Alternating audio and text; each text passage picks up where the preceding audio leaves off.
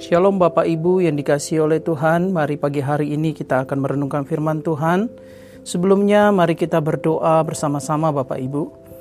Terpujilah namamu ya Tuhan, kami bersyukur untuk kebaikanmu di pagi hari ini. Kami diberi kesempatan kembali untuk merenungkan firman-Mu ya Tuhan. Kami memerlukan firman-Mu untuk mengajar kepada setiap kami ya Tuhan.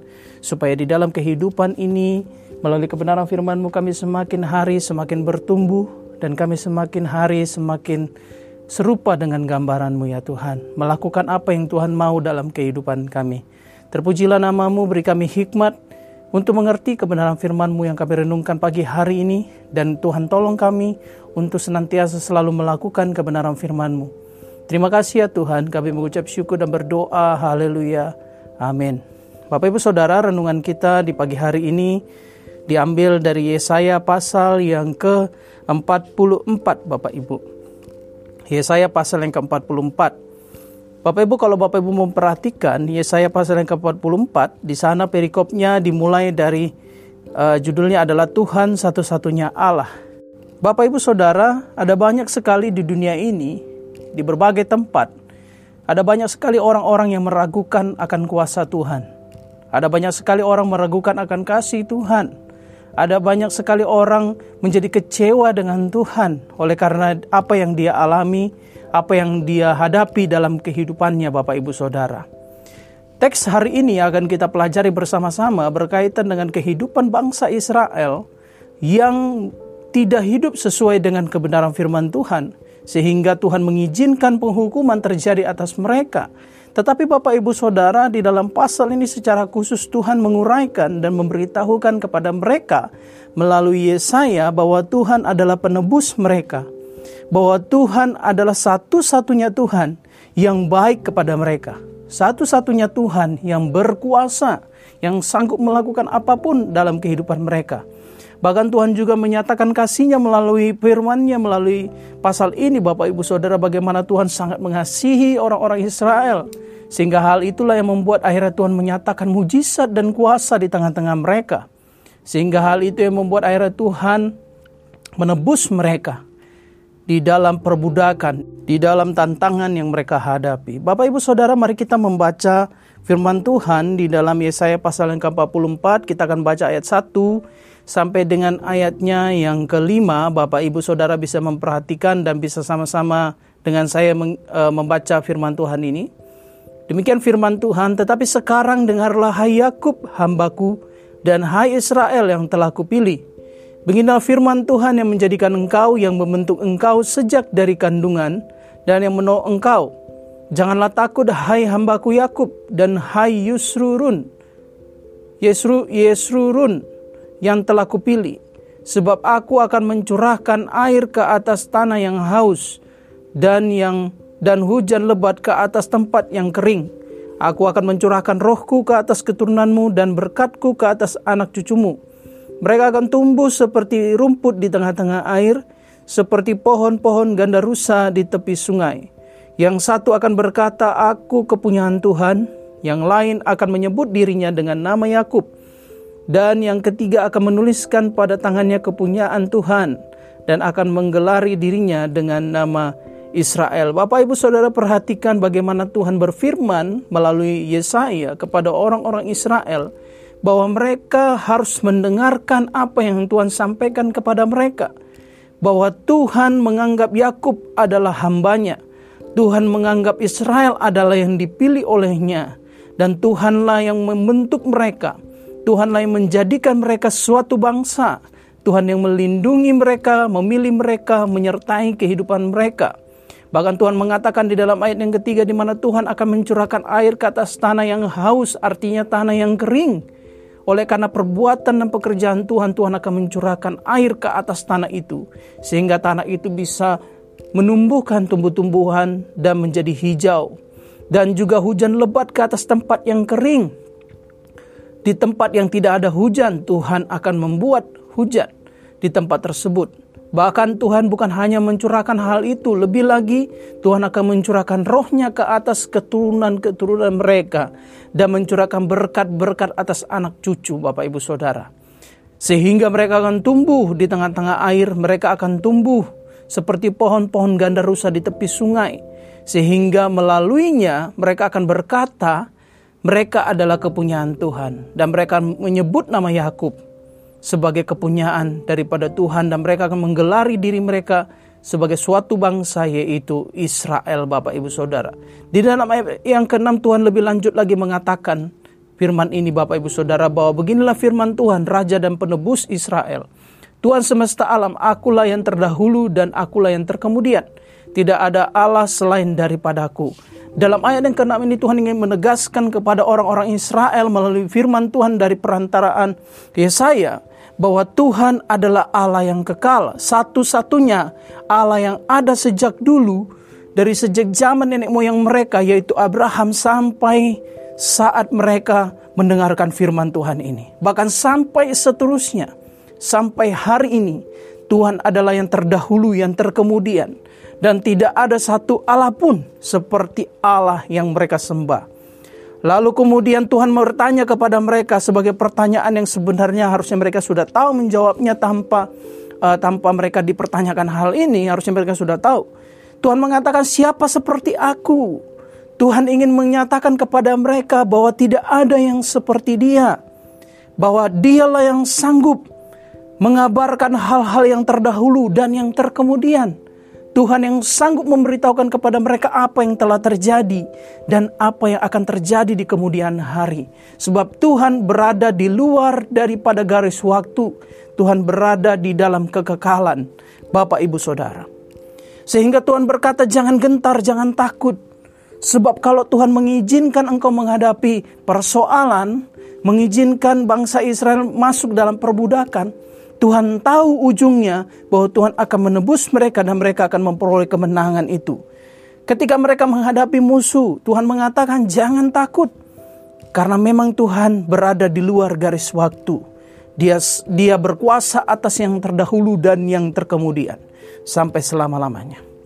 Lalu kemudian Bapak Ibu Saudara di dalam ayat yang ke-9 dalam pasal ini sampai dengan ayat yang ayatnya yang ke 20 Bapak Ibu Saudara, Tuhan menyampaikan melalui Yesaya mengenai kebodohan orang-orang yang menyembah kepada patung. Tuhan ingin memberitahukan kepada orang-orang Israel, karena engkau tahu bahwa aku adalah Allah yang yang tidak ada yang sama seperti aku, bahwa aku adalah Allah yang berkuasa, yang hidup di dalam kekekalan, yang sanggup memberi kemenangan, maka bodohlah orang yang menyembah kepada patung yang hidupnya memuja kepada patung. Mengapa? Karena patung yang mereka sembah adalah buatan tangan manusia dijelaskan di tempat ini. Dibentuk oleh manusia sendiri.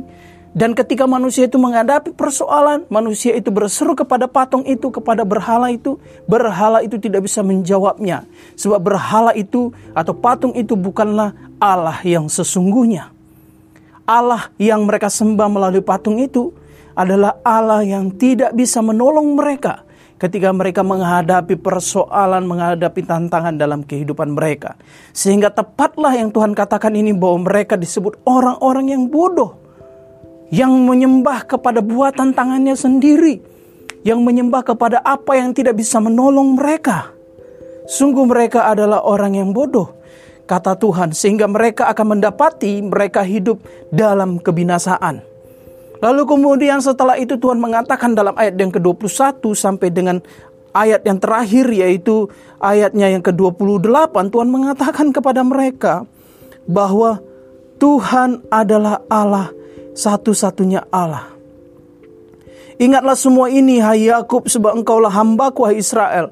Aku telah membentuk engkau, engkau adalah hambaku hai Israel. Engkau tidak kulupakan. Sekalipun mungkin mereka jatuh di dalam dosa, melupakan dan meninggalkan Tuhan, tetapi Tuhan punya waktu di mana Tuhan akan mencari mereka kembali. Bahwa Tuhan adalah Allah yang membentuk Israel. Tuhan adalah Allah yang mengangkat Yakub sebagai hambanya sehingga Tuhan tidak akan melupakan itu. Tuhan mengatakan Tuhan adalah penebus satu-satunya. Dia katakan aku telah menghapus segala dosa pemberontakanmu seperti kabut diterbangkan angin, dan segala dosamu seperti awan yang tertiup. Kembalilah kepadaku sebab aku telah menebus engkau. Ini adalah seruan ajakan untuk bertobat. Israel diajak Tuhan untuk bertobat. Jangan mengingat lagi pemberontakan mereka sebab Tuhan telah menghapus dosa mereka. Dosa pemberontakan mereka dan Tuhan mengatakan seperti kabut diterbangkan angin, tidak ada lagi. Bapak Ibu Saudara kalau Bapak Ibu pernah membakar uh, kayu dan kemudian ada asap, lalu kemudian asap itu naik ke atas, lalu kemudian ditiup angin dan asap itu tidak terlihat lagi, maka seperti itulah yang Tuhan katakan kepada orang Israel bahwa dosa pemberontakan mereka telah dihapus oleh Tuhan. Bahkan seperti awan yang tertiup artinya Bapak Ibu kalau perhatikan awan bergerak seandainya ada awan besar di atas kepala kita, di atas langit kita, lalu tiba-tiba karena ada angin yang bertiup sehingga awan itu bergeser. Artinya kemudian langit itu kemudian tidak ada awan lagi atau bersih dari awan yang besar tersebut. Itulah gambaran bagaimana Tuhan menghapus dosa pemberontakan Israel. Sehingga Tuhan berkata, e, kembalilah kepadaku sebab aku telah menebus engkau. Lalu Tuhan juga mengatakan kepada mereka, akulah Tuhan yang menjadikan segala sesuatu yang seorang diri membentangkan langit yang menghamparkan bumi. Siapakah yang mendampingi aku tidak ada sebab dia adalah Tuhan yang satu-satunya yang ada dalam kekekalan yang membentuk segala sesuatu yang kita bisa lihat ini, yang mereka bisa lihat pada saat itu. Dia adalah Allah yang berkuasa, satu-satunya Allah yang berkuasa. Bapak Ibu Saudara dari pembacaan di dalam pasal yang ke-44 ini, apa yang bisa kita pelajari? Ada dua hal yang bisa kita pelajari Bapak Ibu.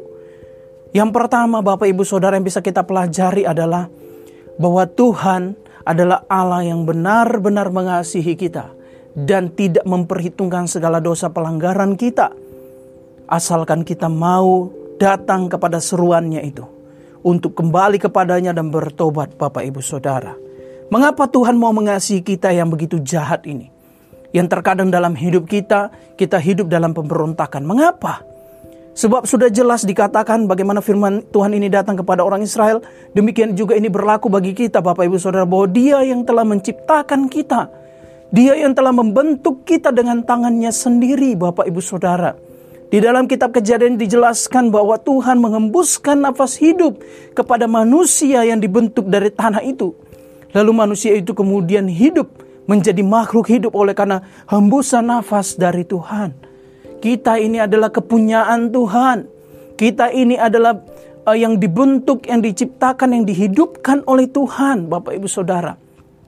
Seberat apa pun dosa kita, asal kita mau datang kepada Tuhan, Dia akan mengampuni kita bukan karena kita layak, tetapi karena Dia mengasihi kita, Bapak Ibu Saudara. Amin.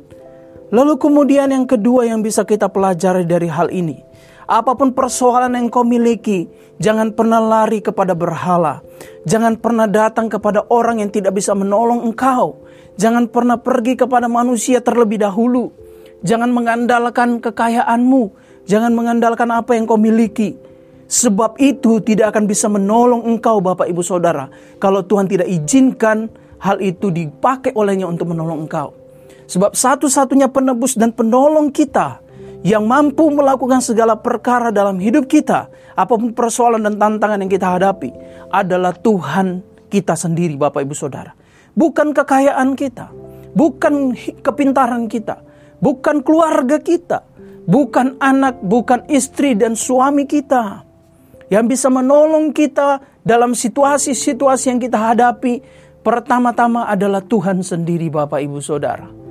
Maka, jikalau engkau memiliki tantangan atau persoalan dalam hidupmu, jangan lari kepada hal-hal yang kau tahu terbatas dalam menolong engkau. Larilah dan berserulah kepada Allah.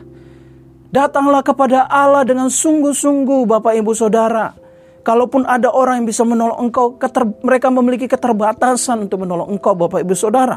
Tetapi Tuhan adalah Allah yang berkuasa dan Dia punya kuasa yang tidak terbatas untuk menolong setiap kita, Bapak Ibu Saudara.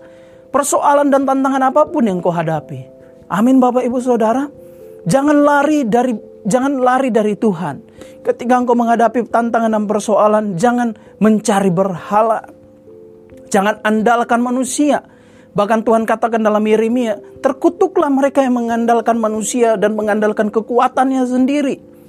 Tetapi diberkatilah orang yang mengandalkan Tuhan dan menaruh harapannya kepada Tuhan. Sebab Tuhan Allah yang berkuasa yang tidak pernah bisa mengecewakan kita.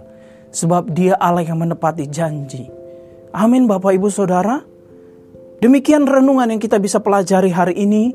Dan kita belajar dari firman Tuhan yang ada dalam Yesaya pasal yang ke-44 ini Bapak Ibu Saudara. Bahwa Tuhan pasti menepati janjinya. Bahwa Tuhan mengasihi kita bahwa Tuhan satu-satunya penolong dan penebus kita. Amin. Mari kita berdoa. Terima kasih ya Tuhan untuk kebaikan-Mu, untuk firman-Mu yang kami renungkan di pagi hari ini. Kuatkan kami dan tolonglah kami ya Tuhan. Mungkin ada di antara kami yang sedang mendengarkan renungan ini yang sedang berada dalam persoalan, berada dalam uh, tantangan hidup. Tuhan tolonglah kami, nyatakan firman-Mu adalah ya dan amin ketika mereka berseru kepadamu mereka datang sungguh-sungguh kepadamu. Biarlah pertolongan dan kuasa Tuhan itu dinyatakan dalam kehidupan mereka. Biar mereka melihat dalam persoalan mereka ada tangan Tuhan yang senantiasa menolong mereka. Dan jikalau yang mendengarkan saat ini, mendengarkan renungan ini mungkin merasa bahwa dirinya berdosa, dia mau bertobat. Tuhan kiranya engkau boleh menjamah hatinya, Kiranya engkau memberikan pengampunan kepadanya. Nyatakan kasihmu yang kekal itu kepadanya. Sehingga dia merasakan kasihmu dalam kehidupannya. Dan dia tahu bahwa dia dikasihi. Sekalipun dosanya mungkin merah. Sekalipun dosanya begitu banyak. Tetapi Tuhan mengasihinya. Terima kasih ya Tuhan untuk kebenaran firman-Mu yang pagi hari ini kami renungkan. Kami juga berdoa saat ini ya Tuhan. Kiranya Engkau memberkati kehidupan kami sepanjang hari.